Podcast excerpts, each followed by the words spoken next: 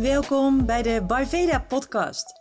De podcast voor iedereen die zich wil verdiepen in onderwerpen als voeding, gewoonten, mindset en energie. Super leuk dat je luistert. Ik ben Nicole, holistic health coach, yoga teacher en founder van Ayurveda. Het eerste online yoga en Ayurveda platform van Nederland. Met heel veel liefde en enthousiasme deel ik kennis, tips en tools die jou helpen om mee te bewegen met de flow van het leven en die je ondersteunen om zelf de juiste keuzes te maken en stappen te zetten voor een happy en healthy body, mind en soul.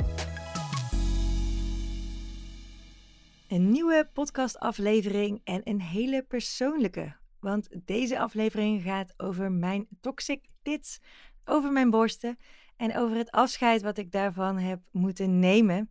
En het afgelopen jaar kwam ik namelijk in een proces terecht van explantatie. Dus ik heb borstimplantaten gehad, 17 jaar lang. En die heb ik afgelopen juli laten verwijderen.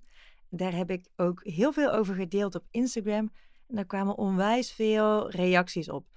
Ik heb echt honderden berichtjes ontvangen. Er zijn momenten geweest dat ik daar gewoon drie, vier uur per dag mee bezig was. En ik vind het heel belangrijk ook om die allemaal te beantwoorden, om dat ik weet hoe moeilijk dat proces is. Hè? Dat het geen makkelijke keuzes zijn die je maakt. En ja, dat er eigenlijk toch nog best wel weinig informatie over bekend is. Dus dat ja, veel vrouwen twijfelen bijvoorbeeld om borstimplantaten te nemen. Vrouwen hebben borstimplantaten en maken zich soms zorgen over hun gezondheid. Ik heb ook veel berichtjes gehad van vrouwen en heel soms ook van mannen die bijvoorbeeld iemand kennen die borstimplantaten heeft, waar ze zich zorgen om maken. En deze aflevering is dus voor al die vrouwen. En ik hoop hiermee dan ook een steentje bij te dragen en een groter bewustzijn rondom dit onderwerp. Want we zijn er nog lang niet. Gelukkig is er steeds meer aandacht voor, maar er worden nog steeds wekelijks honderden borstvergrotingen uitgevoerd, waarbij heel veel vrouwen niet weten wat de risico's zijn die daarmee samenhangen. Heel veel vrouwen ook niet willen weten welke risico's daarmee samenhangen. En ook dat is heel begrijpelijk. dus zit jij in die ik steek mijn kop in het zand fase. Dat is helemaal oké. I feel you. I've been there, I've done that. En ook daar ga ik je meer over vertellen.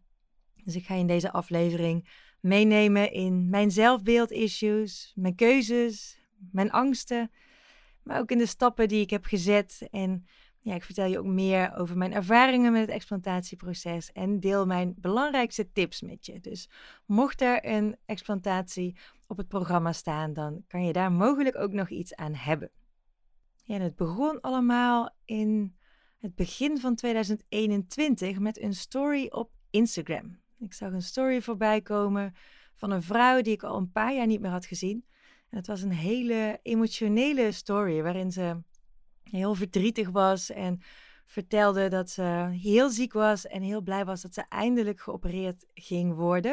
En het was me niet helemaal duidelijk wat er precies aan de hand was, maar iets in mij werd heel erg getriggerd dat ik uit moest gaan zoeken wat er, wat er was, wat er met deze mooie vrouw aan de hand was. Dus ik heb haar hele Instagram uitgeplozen. En ja, daar hoorde ik voor de allereerste keer over de termen breast implant illness en ASIA. Dus dat zijn twee verzameltermen voor aandoeningen die veroorzaakt worden door borstimplantaten. In het laatste geval, het geval van Azië, is dat ook gekoppeld aan een auto-immuunreactie. En dus meteen ja, voelde ik van oké, dat is wel een dingetje. Want ik heb zelf borstimplantaten. Ik heb ze ook al 17 jaar. En ik had twee jaar eerder al een keer gebeld naar de kliniek die ze destijds heeft geplaatst. Met de vraag van, oh god, hè, ze zitten er al 15 jaar in. Um, moet ik misschien een keer op controle? Hoe lang kunnen ze blijven zitten? Ja, en daar gaven ze eigenlijk aan van, oh ja, dat is helemaal geen probleem. Ze kunnen rustig 20 jaar blijven zitten als je geen klachten hebt. Dus daar heb ik ook geïnformeerd van, oké, maar wat zouden dan bijvoorbeeld klachten kunnen zijn? Ja, daar waren ze eigenlijk een beetje vaag over. Dus ze zeiden van, ja, er kan kapselvorming optreden. Hè, dan dan ja, groeit er als het ware een soort van laagje om zo'n implantaat heen, waardoor een borst heel hard kan worden een implantaat kan scheuren, maar dat voel je wel, zeiden ze. Hè? Dat, is, dat gebeurt niet zomaar. Um, ja, en als dat niet aan de hand is, kan het gewoon blijven zitten. Nou goed, ze hebben met geen woord gerept over uh, Asia of breast implant illness. En ja, ik ging daar natuurlijk even op googlen toen ik dat had gevonden naar aanleiding van die Instagram story. En ja, daar schrok ik toch wel een beetje van. Want ondanks dat ik me eigenlijk wel heel goed voelde, kon ik toch wel bijna de helft van de symptomen die op het lijstje stonden aanvinken. Ja, en er zijn eigenlijk allemaal relatief kleine klachten die ik nooit zo met elkaar in verband had gebracht. haaruitval bijvoorbeeld. Ik heb, ik heb er al vaker over gesproken. Ik had ooit twee keer zoveel haar als ik nu heb. Uh, maar ook een hele slechte doorbloeding. Dat zie ik vooral heel goed aan mijn voeten. Soms als ik onder de douche sta en ik kijk naar de onderkant van mijn voet, dan is ja, die half doorbloed, zeg maar, half roze en half wit. Dus ik heb ook altijd koude benen, koude voeten. Um, brain fog is ook echt wel een dingetje. En ik was altijd super scherp. En ja, ik merkte heel erg dat ik de laatste maanden eigenlijk steeds meer moeite kreeg om mezelf te concentreren. En ja, bijvoorbeeld ook om op namen te komen van echt hele simpele dingen. Dat kan gewoon een banaan zijn, bij wijze van spreken. Heel soms dan, ja, dan voel ik gewoon dat het heel veel moeite kostte om daar, uh, om daar op te komen. Ja, oorzuizen was iets wat ik steeds meer, waar ik steeds meer last van had. Hele droge ogen, dat merkte ik vooral met yogalessen geven. Als ik dan zelf meedeed in een meditatie en mijn ogen ook sluit. Ja, dan moest ik echt een paar keer knipperen om die ogen weer een beetje ja, vochtig te krijgen, zeg maar. Zodat ik ze ook kon, kon openen. Uh, ik had steeds vaker hoofdpijn, snel blauwe plekken, een verhoogde hartslag. Hè, als ik uh, simpelweg met een wasmand even een sprintje trek op de trap, ja, dan voelde ik al die hartslag. Dus ik dacht van, oh, die gaat wel echt heel erg uh, tekeer. Um, ja, wondgenezing waarvan ik dacht van, nou, die is ook niet helemaal optimaal. Ja, waar ik me eigenlijk nog het meeste zorgen over maakte, ja, was toch wel mijn oksels, die soms een beetje pijnlijk waren. Het gevoel dat ik een beetje opgezette lymfeklieren had ook. Soms ook een wat pijnlijk gevoel in mijn borsten. Sowieso was het zo dat ik die borsten eigenlijk altijd wel voelde zitten ook. Wat ook niet een heel fijn gevoel was. Maar ik had ook best wel veel tekenen van afvalstoffen in mijn lijf. Hè? Dus bijvoorbeeld ja, een steeds heftigere zweetlucht als ik uh, transpireerde um, coating op mijn tong. Dat waren allemaal dingen waarvan ik eigenlijk wist als holistic health coach van hey, dat is een teken van afvalstoffen in je lichaam.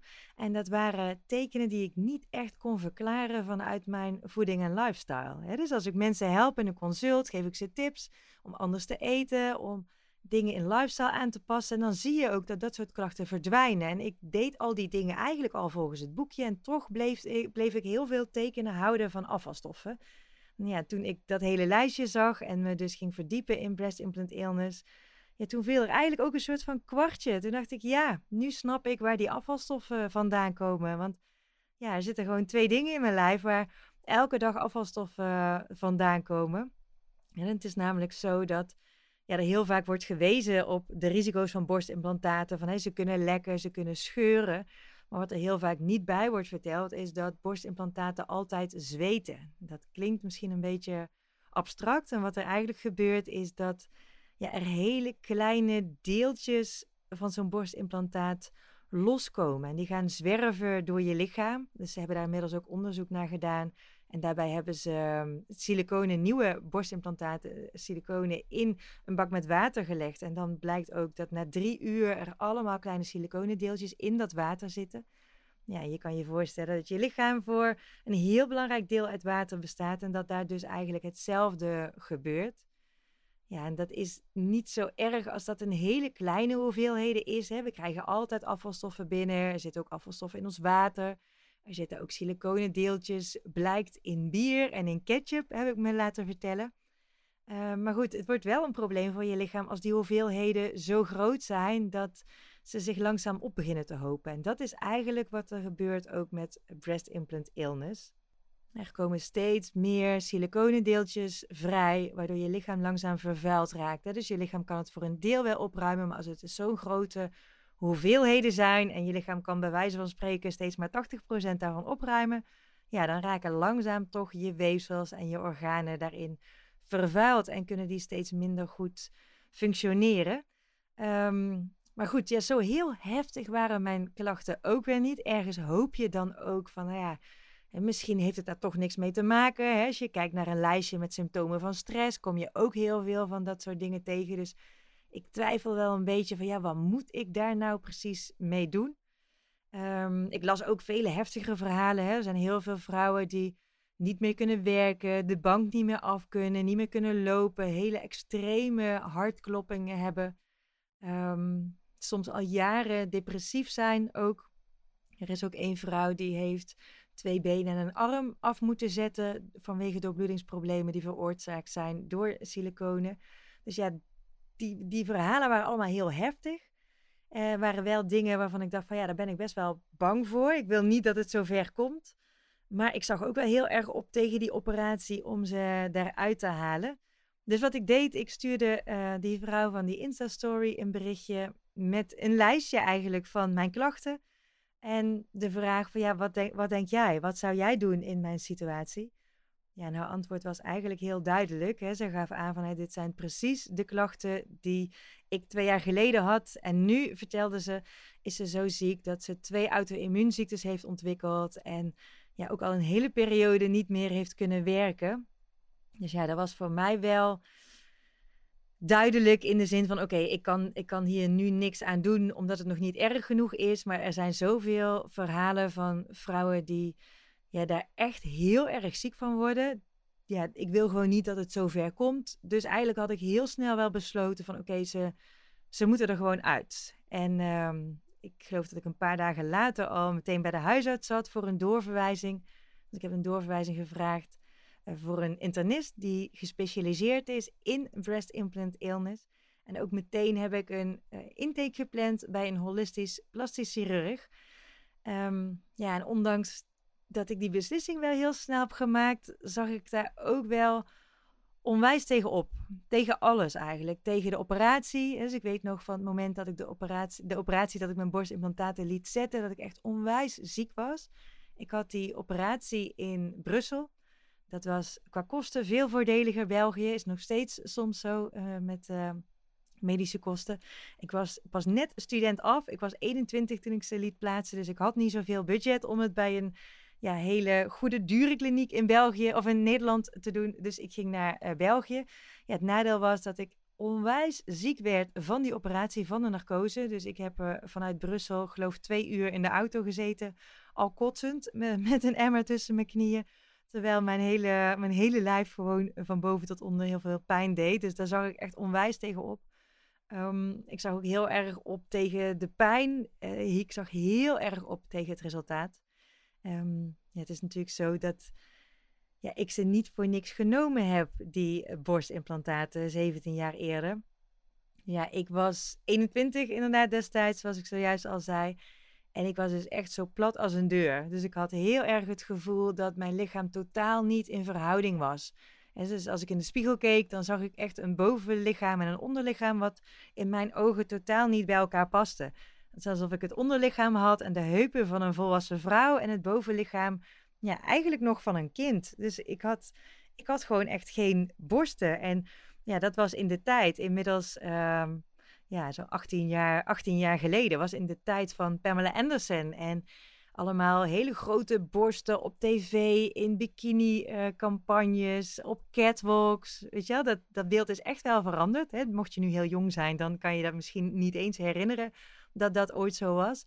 Ja, dat maakte mij gewoon heel erg onzeker. En het is niet zo dat ik hele grote borsten wilde hebben, maar ik wilde gewoon eigenlijk maar één ding en dat is heel graag normaal zijn. En ja, dat had ook gewoon praktische redenen. Ik kon bijvoorbeeld heel moeilijk BH's of bikinis kopen.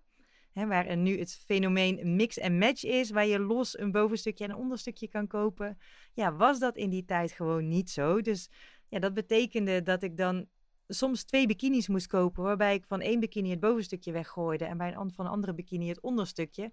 Ja, dan voel je dus, ja, dan voel je dus helemaal een soort van ja, mislukt of zo. Dat, je, dat, ja, dat dat gewoon niet past. Weet je wel, dat voelt dan heel erg abnormaal. Dus had ik echt wel heel veel moeite mee. Ik probeerde dat ook altijd heel erg te verbloemen. Hè? Dus ik had dan push-up BH's aan. Maar er was eigenlijk niks om omhoog te pushen, om het zo maar te zeggen. Dus ja, dat was eigenlijk gewoon meer een BH die bol stond waar lucht in zat. Hè? Dus bij wijze van spreken heeft gelukkig nooit iemand gedaan. Maar ja, zou, zou je daar gewoon met je vinger in kunnen duwen en dan, dan is die borst ook weg. Um, ja, het nadeel daarvan, dus daarmee kwam ik op zich nog wel redelijk goed weg. Het nadeel was, als ik dan heel enthousiast mijn armen omhoog deed, omdat ik wilde zwaaien of zo, dan ja, bleef eigenlijk die BH ook nergens achter hangen. Dus die schoot dan gewoon, als ik niet uitkeek, schoot die gewoon tot onder mijn kin. Dus ja, dat gaf ook wel hele ja, heel erg momenten van schaamte of zo ook. En dat, dat, dat had ik sowieso wel heel erg. Dat ik me heel erg schaamde voor mijn lichaam. Zo erg dat ik me zelf schaamde voor mijn schaduw. En destijds uh, woonde ik in een heel klein uh, hadwoningje. En daar was de achterdeur zat aan de straatkant. Dat is een beetje ja, een rare indeling. Maar daar zat in ieder geval een soort van folie uh, overheen, zodat je daar niet naar binnen kon kijken. Dus dat was een soort van matglasachtige constructie. Dat was aan de kant van de keuken.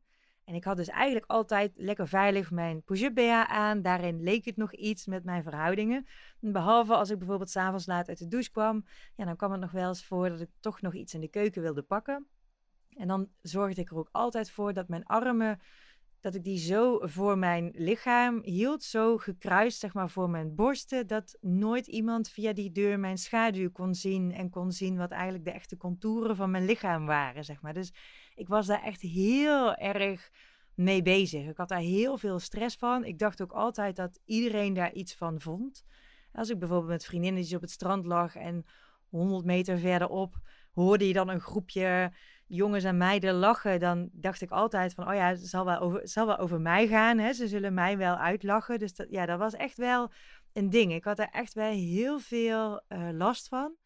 Ik heb daar toch heel lang over nagedacht van, ja, ga ik daar wel of niet iets aan doen? Omdat eigenlijk, ja, vind ik ook wel, je moet niet snijden in een gezond lijf. En ja, daar zitten altijd risico's aan, ook aan een narcose. Ik... Uh, ik had net genoeg geld bij elkaar gespaard, maar het is ook een hele kostbare ingreep. Maar goed, ik had dus ook die wens om gewoon normaal te zijn. En ja, uiteindelijk, na heel veel twijfelen, heb ik toch besloten dat ik een operatie wilde. Ja, sommige mensen denken dat je dat besluit maar heel even snel neemt zonder er echt goed over na te denken. En ik kreeg daar laatst nog, een paar maanden geleden, nog een reactie op van iemand die een van mijn posts had gelezen over de explantatie iemand die een reactie stuurde, iets in de trant van. Ehm, ja, als je nou, stel dat je er wel aan dood was gegaan, dan was het je eigen schuld geweest, want je moet niet snijden in een gezond lichaam. En daar schrok ik best wel van. Sowieso van dat iemand zo, zo veroordelend is. Weet je, je weet niet hoeveel ja, psychisch last ik daarvan had. Hoe ik belemmerd werd in mijn leven door ja, de, de relatie die ik had met mijn lijf. Dus ik vind dat wel een hele heftige. Sowieso vind ik dat we daar heel erg van af moeten. Naar het oordelen over elkaar. Je kan altijd maar zo'n klein stukje zien. Je weet niet wat er in iemand omgaat. Laat iedereen in zijn of haar waardes. En weet dat als iemand zo'n soort beslissing neemt, dat dat echt niet makkelijk is. Dat je dat niet zomaar doet omdat je denkt van, oh, misschien is een maatje meer net iets mooier. Nee, dat, daar, ja, daar hebben gewoon de meeste vrouwen echt wel slapeloze nachten van. En, en heel veel stress en heel veel twijfels voordat ze uiteindelijk zo'n besluit nemen. Dus mocht je merken bij jezelf dat daar een oordeel zit, ja, probeer daar wat meer ja, vanuit zachtheid naar te kijken. En gelukkig had ik het voordeel dat er in mijn omgeving heel goed op werd gereageerd. Ik vond het super spannend om te gaan vertellen dat ik dit wilde, omdat ik heel bang was dat ja, mensen daar een oordeel over zouden hebben, zouden zeggen dat het onzin is, dat het gevaarlijk is. Ehm, dat was allemaal niet zo. Iedereen reageerde eigenlijk heel tof. Iedereen had er heel veel begrip voor. Dus mijn vrienden, mijn ouders, mijn toenmalige baas zelfs.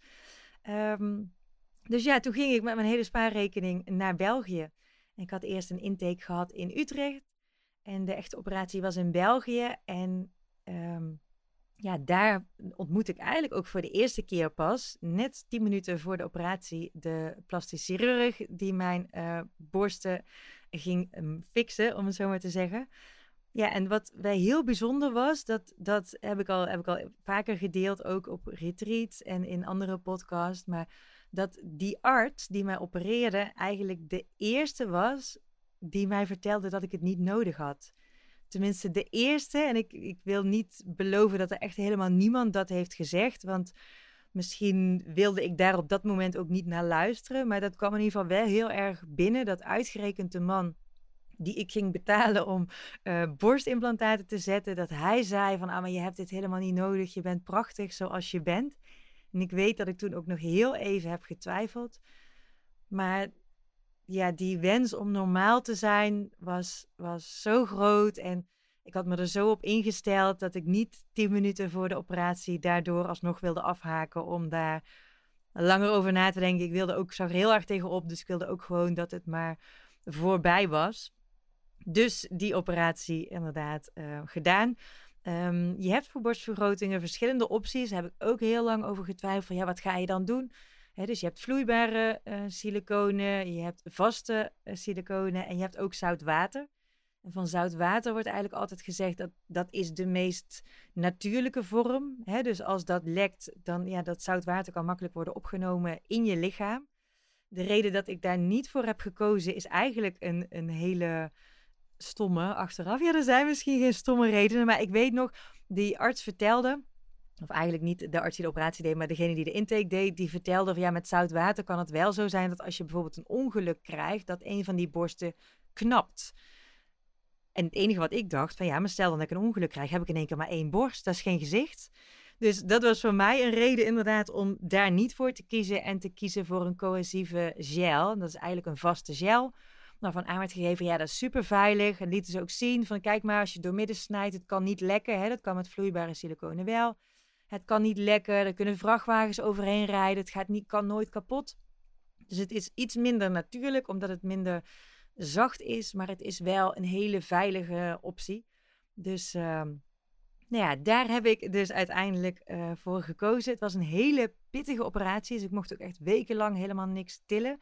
Maar ik was wel heel erg blij met het resultaat. En vooral met het feit dat ik ja, gewoon zorgeloos kon gaan winkelen, kleren kon gaan kopen. Dat ik het gevoel had dat ik eindelijk gewoon normaal was. Dus ik ging van een AA misschien zelfs wel een AAA, uiteindelijk naar een A. Dus ik heb nooit echt grote borsten gehad. Maar ja, die A-cup was voor mij genoeg om in ieder geval te vinden dat het in verhouding uh, was. En ja, wat wel ook een interessante is, ja, wat ik eigenlijk observeerde in de maanden daarna en wat ik je toch mee wil geven, vooral vrouwen die twijfelen om misschien borstimplantaten te nemen. Uh, wat ik merkte is dat mijn aandacht verschoof. Dus waar mijn aandacht van mijn inner critic, misschien heb je daar al in een eerdere podcastaflevering iets over gehoord. Hè? Dus dat stemmetje dat altijd negatieve dingen zegt, altijd wel iets vindt om af te kraken. Ik merkte dat die inner critic dus altijd iets vond van die borsten, van hè, die, de verhouding klopt niet en je bent zo plat als een deur en je heupen zijn veel te breed, want hè, die verhouding die klopte dan niet. Dat die ja, dat speerpunt had ik eigenlijk weggehaald door die borstvergroting, maar dat stemmetje was niet weg. En dat stemmetje begon zich langzaam op andere dingen te focussen. Dat stemmetje begon ook, begon ook langzaam te zien dat die borsten ook niet helemaal perfect waren, die nieuwe borsten. Eigenlijk zaten ze wat te hoog, dat was ook een beetje onnatuurlijk. Het zag er sowieso wel een beetje onnatuurlijk uit. Dus ja, dat is ook wel een hele interessante om te weten van hey, ja, in zekere zin was mijn probleem opgelost, want ik kreeg meer vrijheid als het gaat om dingen die ik aan kon doen, BH's en bikinis die ik kon kopen, maar tegelijkertijd was de onzekerheid, mijn onzekerheidsprobleem daarmee niet opgelost. Dus het is niet ja, per se de, de quick fix daarvoor. En uiteindelijk is dat dus altijd wel een dingetje gebleven. Maar goed, ik was blij um, met het feit dat um, het voor mijn gevoel allemaal wat meer klopte. Ik begon me na zo'n 15 jaar wel een beetje zorgen te maken. Van, toen er waren daarvoor al wel een paar momenten geweest waarop mensen mij wezen op borstimplantaten die op een zwarte lijst stonden, die verboden waren inmiddels, die dan blijkbaar toch heel veelvuldig geplaatst waren. Ja, er waren altijd van die momenten dat ik ook een beetje die uh, struisvogel in het zand uh, techniek toepaste. Want eigenlijk wil je gewoon niet dat daar iets mis mee is. Omdat ja, zo'n operatie ook heel spannend en heel eng is. En dan heb je echt, echt geen zin in om dat nog een keer te doen. Dus vaak moesten mensen dan wel drie keer tegen mij zeggen van... ja, ga toch eens even checken of jij ook niet die foute implantaten hebt. Uiteindelijk deed ik dat na heel veel zeuren dan toch wel... omdat ik wist dat mijn vrienden en ook mijn ouders daar niet bij lieten zitten... als ik dat niet gecheckt had. Nou ja, die hele foute implantaten die zijn teruggeroepen eigenlijk van de markt, die had ik dan niet. Maar na 15 jaar ben ik toch maar even gaan bellen met die kliniek van, ja, moet ik misschien inderdaad dus een keer op controle komen? Nou goed, hè, wat ik zojuist al vertelde, van ja, daar werd ik eigenlijk een beetje afgewimpeld. Van, als je geen klachten hebt, dan kunnen ze gewoon blijven zitten. Nou ja, totdat dus twee jaar later mijn ogen werden geopend en ja, ik toch heb besloten dat ze eruit moesten. Um, ja, daarvoor heb ik ook allerlei onderzoeken laten doen. Hè. Dat is ook weer interessant om te vertellen van ja, hoe doe je dat dan? Als je besluit van oké, ze moeten eruit of ze moeten er misschien uit. Of in ieder geval moet gecontroleerd worden van hè, wat is het effect op mijn gezondheid. Daarvoor ben ik naar een internist gegaan, gespecialiseerd in breast implant illness. En wat ze dan doen is je bloed onderzoeken op heel veel verschillende punten. Uh, en ook een MRI-scan hebben ze gemaakt. Een MRI-scan waarop ze vaak kunnen zien of implantaten bijvoorbeeld gescheurd zijn, maar ook of er mogelijk siliconen zitten in je oksels. Ja, en dat kan dus niet alleen maar bij implantaten die ook van siliconen zijn gemaakt, maar ook bij zoutwaterimplantaten kan dat wel degelijk het geval zijn, want ook zout, zoutwaterimplantaten hebben altijd een siliconen omhulsel. Dus hè, de vrouw waardoor ik op het pad van breast implant illness kwam, was er ook iemand die zoutwaterimplantaten heeft gehad en daar onwijs ziek van is geworden. Dus er zijn heel veel vrouwen die ook daar heel erg ziek van worden. Dus de hoeveelheid siliconen is minder. Het is alleen het omhulsel, maar ook dat omhulsel ja, lost langzaam op. Hè. Het is net als met plastic. Als je dat in de grond stopt, uiteindelijk vergaat het ook. Het duurt heel lang, maar het vergaat. En dat is precies ook wat met die implantaten gebeurt. Ja, uit mijn bloedonderzoeken bleek dat ik een beginnende auto-immuunwaardes had. En dat dat dus ja, een soort van voorteken van een auto-immuunziekte is. Dus ja, dat was voor mij alleen nog maar meer bevestiging om ze echt zo snel mogelijk daaruit te laten halen. Ehm, inmiddels was ik ook in contact eh, gekomen met een holistisch plastisch chirurg. Wat heel bijzonder is, want ik wist niet eens dat ze bestonden. Dus ik was daar heel erg blij mee. En ja, wat houdt dat dan in, een uh, holistisch plastisch chirurg? Ja, holisme, holistisch wil eigenlijk zeggen dat je kijkt naar het grotere geheel. En dat is precies ook wat deze arts doet. Ik zal hem even opnemen in de show notes. Dus hij kijkt ook naar een stukje voeding, mindset. Dus allemaal dingen die belangrijk zijn uiteindelijk voor een goed herstel. Dus daar ben ik echt heel erg blij mee. Ja, en heel veel kleine dingen die me ook heel erg aanspraken in zijn aanpak is bijvoorbeeld dat je tijdens de operatie een koptelefoon opkrijgt met rustgevende muziek, omdat dat een kalmerende werking heeft op je zenuwstelsel. Dat is natuurlijk heel anders dan wanneer jij heel bewust die operatie meekrijgt terwijl jij in diep in narcose bent. Maar hij doet ook reiki, hij geeft ook reiki tijdens die operatie. Dus met die uh, chirurg had ik al contact. En ik heb eigenlijk ook na die intake besloten dat ik niet nog een tweede intakegesprek ergens wilde. Ik had daar zo'n goed gevoel bij dat ik daar uh, eigenlijk meteen ja heb gezegd en meteen mijn operatie in heb laten plannen. Een hele moeilijke keuze vond ik daar nog bij van ja, ga ik nu alleen voor een explantatie, dus alleen het eruit halen van die implantaten, of ga ik voor een optie in combinatie met lipofilling? En Lipofilling is een techniek waarbij ze vet weghalen op andere delen van je lichaam en dat terugplaatsen in je borsten, waar eigenlijk hè, om die holte als het ware op te vullen die de implantaten achterlaten. Dat is niet helemaal zo dat die holte helemaal wordt opgevuld, want eigenlijk is het zo dat je van nature vetcellen hebt en dat iedere keer tussen een groepje van jouw eigen vetcellen een nieuw vetcelletje wordt geplaatst, wat dus uit andere delen van je lichaam komt. En na dat vetcelletje moet ook weer uh, bloedtoevoer ontwikkelen. En um, ja, dat die, er is dus ook kans dat zo'n vetcel afsterft. Dus het is altijd zo dat je van al het vet wat op een andere plek wordt weggehaald, wat dus in je borsten opnieuw wordt ingebracht, um, dat daar een deel van verdwijnt. En ja, ik twijfelde daar dus echt heel erg over. Ja, ga ik dat nou wel doen? Ga ik dat nou niet doen?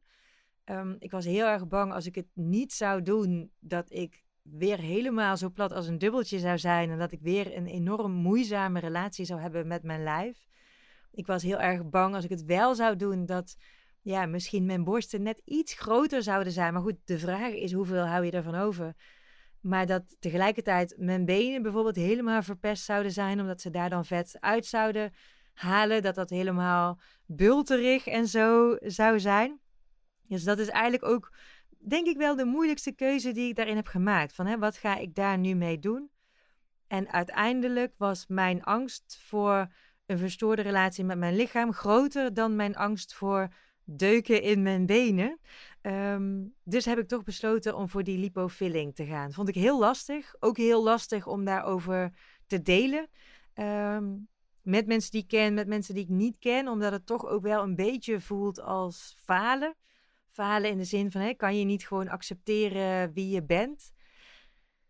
Dus ja, dat vind ik nog, vind ik nog steeds lastig. Hè? Ik hoef daar niet meer over na te denken, want inmiddels heb ik daarvoor gekozen. Toch voor die optie ben ik ook heel blij dat ik voor die optie ben gegaan. Achteraf denk ik wel, als ik het niet had gedaan, dat ik ook heel blij was geweest met het resultaat. Want ik denk niet dat uiteindelijk hè, die 150 cc misschien die er overblijft, of dat nou zo heel veel verschil maakt. Maar ik ben er wel echt heel blij mee. Dus ik was heel erg bang ook van oké, maar stel nou dat ik dat ga doen. Um, krijg ik dan gevoelloze plekken op mijn benen? Krijg ik deukjes? Weet je wel, in die, in die keuzes heeft het mij heel erg geholpen ook om uh, stil te staan bij waar ben ik nou precies bang voor. Want ik merkte dat vooral die periode in de aanloop naar die operatie, die vond ik echt heel zwaar mentaal. Gewoon in, ja, eigenlijk de, de angst voor de onzekerheid. Hè? Dus, dus ik had zoveel vragen, zoveel wat ik niet wist. Ik, ik, ik zou heel graag een soort van 3D-schets hebben gezien over hoe het er dan uit zou komen zien of zo. Dat je gewoon weet waar je aan toe bent. Ik, ja, ik had geen idee hoe lang ik niet zou kunnen werken. Ik ben ondernemer, dus als ik niet kan werken, dan uh, verdien ik ook geen geld. Dus ja, hoe lang zou dat duren? Uh, zijn er complicaties die kunnen optreden? ja, hoe, hoe wordt het resultaat? Dat vond ik allemaal wel echt heel zwaar. Het hielp dus wel heel erg om na te denken van oké, waar ben ik bang voor? Ja, ik was heel erg bang voor die misselijkheid, hè, dat ik heel vervelend uit die narcose kwam. Ondanks dat die arts al had gezegd van nee, dat gaat absoluut niet gebeuren, hebben we nog nooit meegemaakt. Dat was ook niet zo. Dus ik kwam uh, eigenlijk heel goed uit die narcose. Dat is ook wel grappig, want ik werd wakker uit de narcose en er was een hele lieve verpleegster die me meteen aankeek en zij vroeg, uh, ja, hoe gaat het? En ja, ik antwoordde eigenlijk meteen zonder na te denken, fantastisch. en dat was ook echt, ik voelde me zo fantastisch. Gewoon eh, de opluchting waarschijnlijk vooral. Dus ik was zo blij dat het erop zat. Ik voelde me gewoon prima. Ik was echt bang dat ik uit die operatie zou komen, dat ik helemaal niks zou kunnen. Dat ik ook niet. Dat is dus een, een belangrijk nadeel van lipo, dat er op andere plekken vet wordt weggehaald en dat je zo'n heel strak pakje aan moet. Ik was ook heel erg bang dat ik dat niet zelf aan kon doen, dat ik niet naar het toilet zou kunnen. Ja, dat was eigenlijk allemaal niet zo. Het was veel minder intensief de ingreep dan het plaatsen. Daar had ik destijds veel meer uh, last van. En ik voelde me dus ook echt geweldig. Maar goed, dat was wel een van mijn angsten. Van ja, stel nou dat ik heel ziek uit die narcose kwam. Dan dacht ik, ja, nou ja, dat gaat ook weer voorbij. Want dat duurt geen dagen, weet je wel. Dat is hooguit een dag. Ja, was ik bang voor van, ja, heel veel pijn. Nou ja, daar is medicatie voor. Die heb ik liever niet. Want er, was, er waren een aantal pijnmedicatiemiddelen voorgeschreven... waar veel mensen ook weer bijwerkingen van krijgen. Als heel duizelig, heel misselijk. Maar goed, in het ergste geval kan je die, kan je die natuurlijk wel pakken. Ja, dan was er eigenlijk alleen het resultaat nog over van mijn angsten. Ja, en daarvan dacht ik ook ja, in het ergste geval blijven de rare deuken over. En ja, daar kan je misschien ook wel weer iets aan doen met massage of met desnoods nog een keer daar toch weer iets van vet opvullen of zo. Dus dat stelde eigenlijk ook wel weer gerust dat ik dacht van, oh ja, dan is het wel te overzien.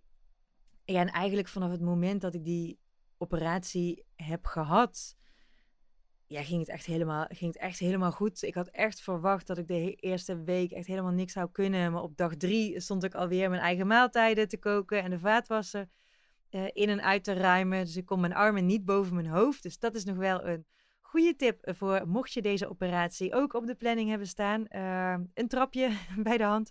Dus ik had overal een krukje, zodat ik toch inderdaad dingen wat hoger ook in de kast kon pakken of weer uh, weg kon zetten.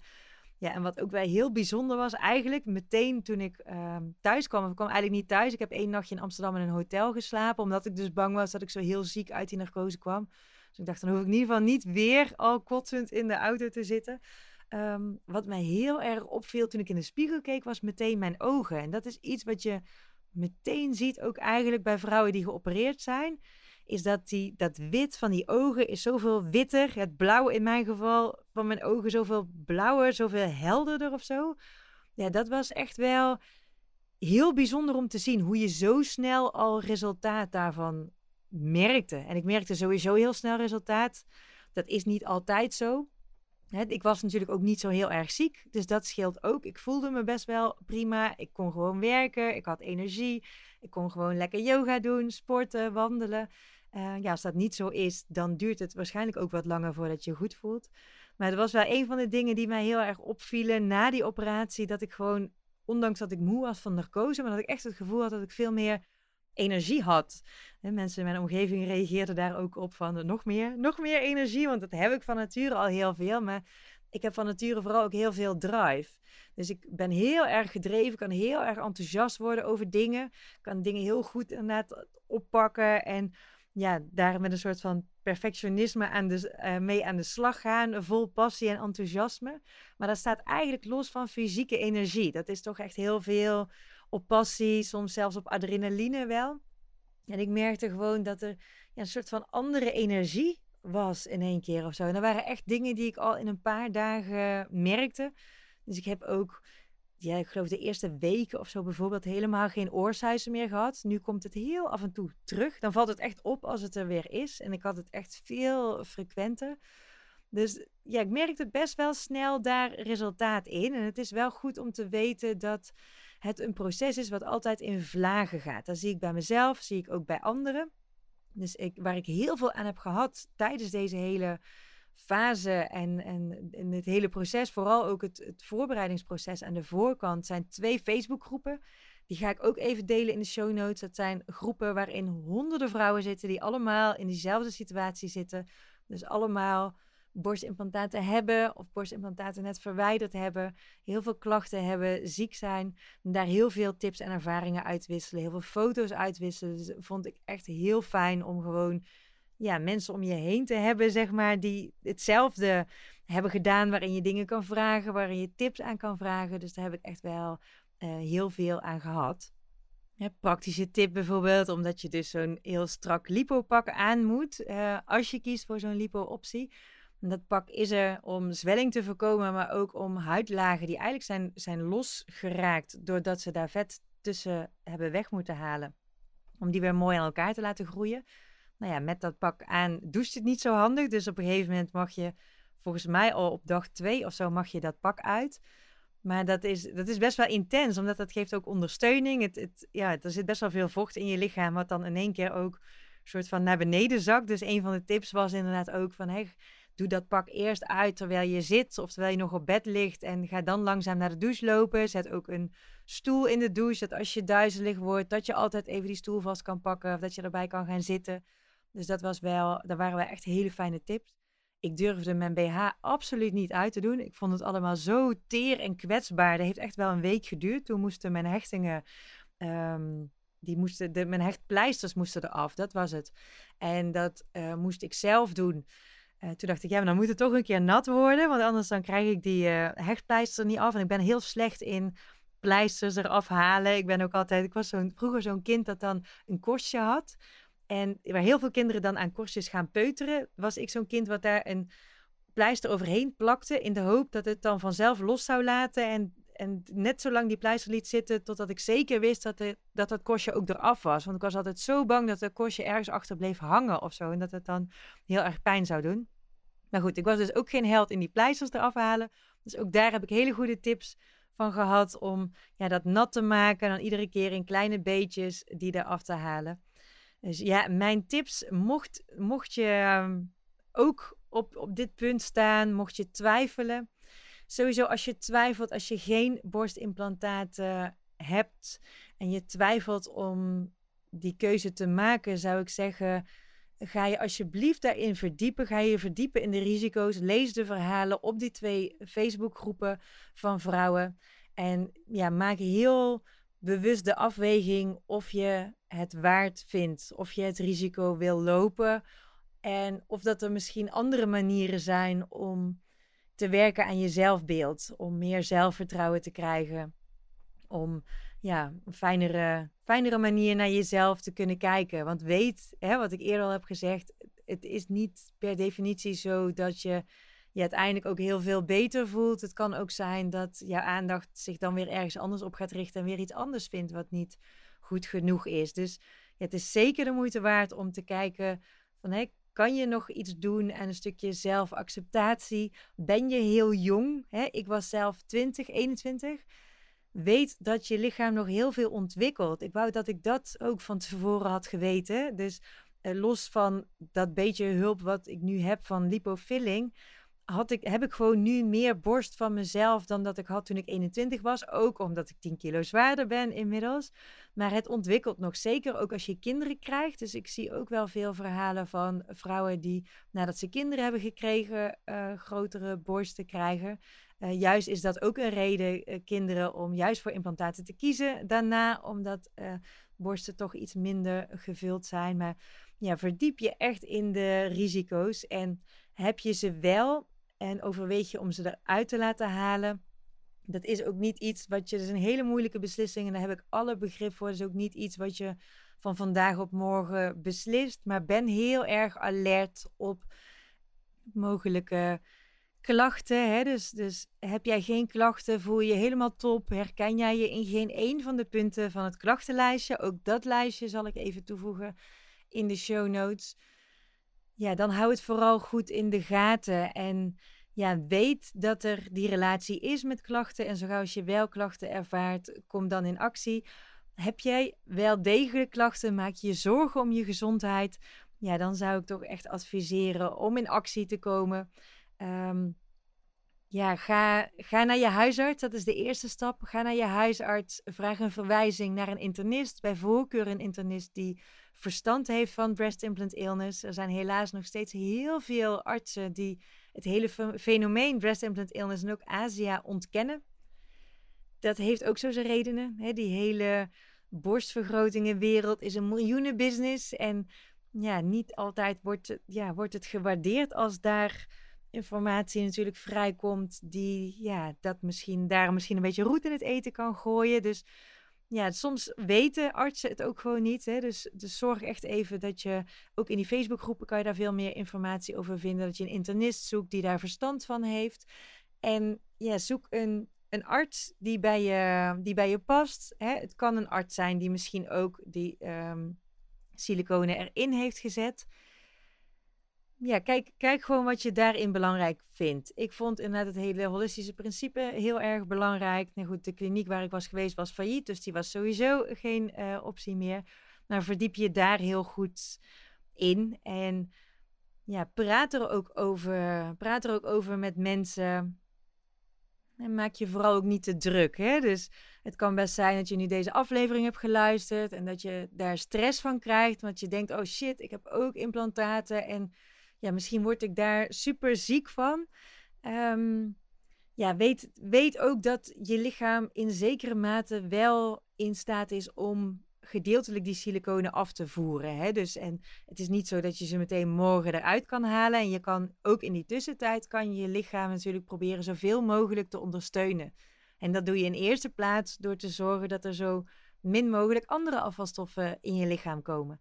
je lichaam heeft het al zwaar te verduren met ja, alle siliconendeeltjes die vanuit die implantaten komen.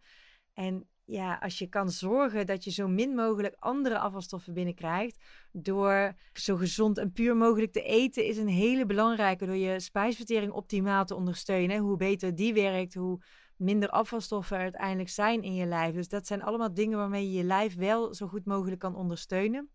Ik denk nog steeds ook dat dat een van de redenen is dat ik 17 jaar implantaten heb gehad met eigenlijk relatief bewerkte, beperkte klachten.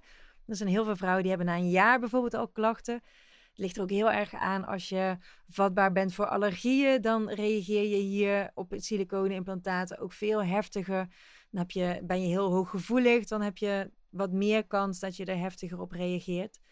Uh, maar ja, zo puur en clean mogelijk eten en leven kan, ja, daarmee kan je je lichaam echt wel helpen. En denk daarbij ook aan ja, dingen die je gebruikt op je huid, aan make-up producten, aan shampoos, body lotions. Ook dat zijn allemaal dingen waar afvalstoffen, microplastic, siliconen deeltjes in kunnen zitten. Dus hoe minder erbij komt, hoe makkelijker je lichaam het vol kan houden. Dus daarmee kan je je lichaam echt wel ondersteunen. Je krijgt misschien heel erg de neiging als je dit hoort om heel heftig te gaan detoxen.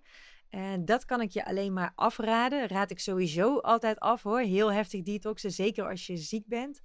Um, wat er eigenlijk namelijk gebeurt met afvalstoffen, je lichaam is heel slim gemaakt. Je lichaam probeert afvalstoffen altijd zoveel mogelijk eh, weg te krijgen zeg maar, van essentiële organen. Dus wordt bijvoorbeeld ook vaak opgeslagen in vetcellen.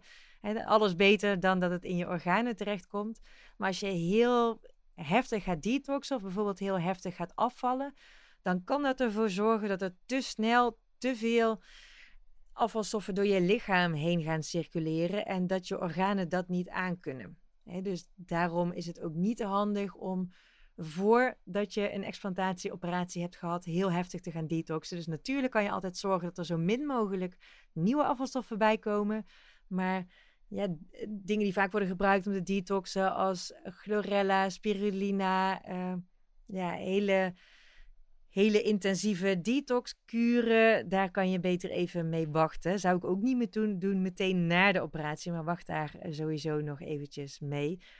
Ja, en als je dan geopereerd bent, doe het dan ook echt rustig aan. Dus ze hadden mij verteld dat ik wel op een herstelperiode van zes weken moest rekenen. Nou had ik het geluk dat het super snel ging. Dus ik was na, na drie dagen dus alweer de vaatwasser aan het inruimen. Ik heb me echt moeten inhouden om nog niet meteen aan het werk te gaan. Dus ik heb na een week ben ik langzaam weer begonnen met halve dagen achter de laptop. En ja, als je fysiek werk hebt, dan heb je echt wel wat langer nodig. Als je fysiek werk hebt, je mag bijvoorbeeld hè, niet tillen. Dus hè, werk je in kinderopvang bijvoorbeeld. Ja, dan reken toch zeker wel op een week of drie. En schakel vooral ook hulp in voor die eerste week. Hè. Dus ja, het is, je doet snel te veel. En als je te veel doet, dan duurt het herstel alleen maar langer. Dus probeer ervoor te zorgen dat iemand je helpt. Het kan met slapen heel fijn zijn om een extra kussen te gebruiken. Dus ik had een extra kussen onder mijn hoofd, dat ik een beetje schuin omhoog stond. Je wilt toch die littekens onder die borsten zoveel mogelijk ontlasten, dus daar niet te veel spanning op brengen. Ik had ook zo'n zwangerschapskussen, zo'n voedingskussen. Dat gebruikte ik vooral om onder mijn knieën te leggen. Dus waardoor ook die benen iets meer verhoogd uh, werden. Ja, wat voor die lipo wel heel fijn is om regelmatig te bewegen. Dus hè, het gaat een beetje pijn doen. Het gaat niet echt pijn doen. Het viel me echt heel erg mee. Het voelt een beetje alsof je bent overreden door een vrachtwagen, dat wel. Maar niet op een hele vervelende manier. Het voelt ook als hele intensieve spierpijn of zo. Maar het is vaak als je heel lang stil zit, dan wordt het een beetje stijf en pijnlijk. En zo gauw als je weer gaat lopen, is er niks aan de hand. Dus dan voel je eigenlijk weer heel snel goed. Dus het is wel heel fijn om elk half uur of zo eventjes een rondje te lopen ik heb in die periode heel veel yoga nidra gedaan. Dus yoga nidra is een van de meest helende vormen van yoga. Dus ze zeggen wel eens dat één uur gelijk staat aan vier uur slaap. Dat is niet zo voor alle processen die tijdens je slaap afspelen, maar het is zeker heel erg helend en herstellend voor je lichaam. Dus dat is heel fijn om ja, de overtollig vocht af te voeren. Vooral uit mijn benen heb ik heel veel legs op de wol gedaan. Dus lekker met mijn rug op het bed en mijn benen omhoog ja, voeten richting het plafond. Dus dat helpt heel erg om overtollig vocht af te voeren richting de lymfeknooppunten in je liezen. Dus dat zijn allemaal hele fijne tips. Uh, vind ik mijn belangrijkste tips inderdaad voor na die uh, operatie. En ja, wat je ook doet, wat je ook besluit, luister heel goed naar je lichaam, naar je lijf. Neem verantwoordelijkheid ook voor je eigen lichaam. Dus hè, leg ja, het lot van je gezondheid niet in de handen van een arts. Kom zelf in actie als je merkt dat er iets is wat niet klopt of wat niet goed voelt. Hè. Dus ja, ben, ben, zoek meer de stilte op ook. Weet je? Probeer die verbinding te maken met je intuïtie en dan voel je ook wel wat de juiste keuze is voor jou op dit moment. En er zijn ook vrouwen die mijn berichtje hebben gestuurd om het te bedanken voor het delen van alle informatie en die toch aangaven nu nog niet klaar te zijn voor die stap. En weet dat dat ook helemaal oké is. Alles, alles komt vanzelf uh, op, een, op een juist moment. Maar zorg er gewoon voor dat je alert blijft. Dat je verantwoordelijk blijft voor je eigen gezondheid. En heb je vragen? Um, stel ze gerust. Stuur me een berichtje. Ik help je met heel veel liefde en plezier. Ken je iemand die misschien baat heeft bij deze informatie? Die dit misschien een keer of misschien nog een keer moet horen, stuur deze aflevering dan vooral door. Want samen kunnen we ervoor zorgen dat zoveel mogelijk mensen hier vanaf weten en dat zo min mogelijk mensen gezondheidsklachten hoeven te ervaren van borstimplantaten. Dankjewel voor het luisteren. Vond je deze podcast waardevol? Laat me dan vooral weten via een berichtje op Instagram. Ik ben heel erg benieuwd wat je van deze podcast hebt geleerd En heb je vragen of een onderwerp waar je graag meer over zou willen horen? Let me know. Misschien kan dat een onderwerp zijn voor een van de volgende afleveringen. Super lief als je de podcast deelt op social media of doorstuurt naar iemand die hier ook inspiratie uit kan halen. En je helpt me enorm door een review achter te laten en abonneer je op deze podcast als je geen aflevering wil missen. Een hele fijne dag nog en heel graag tot een volgende aflevering.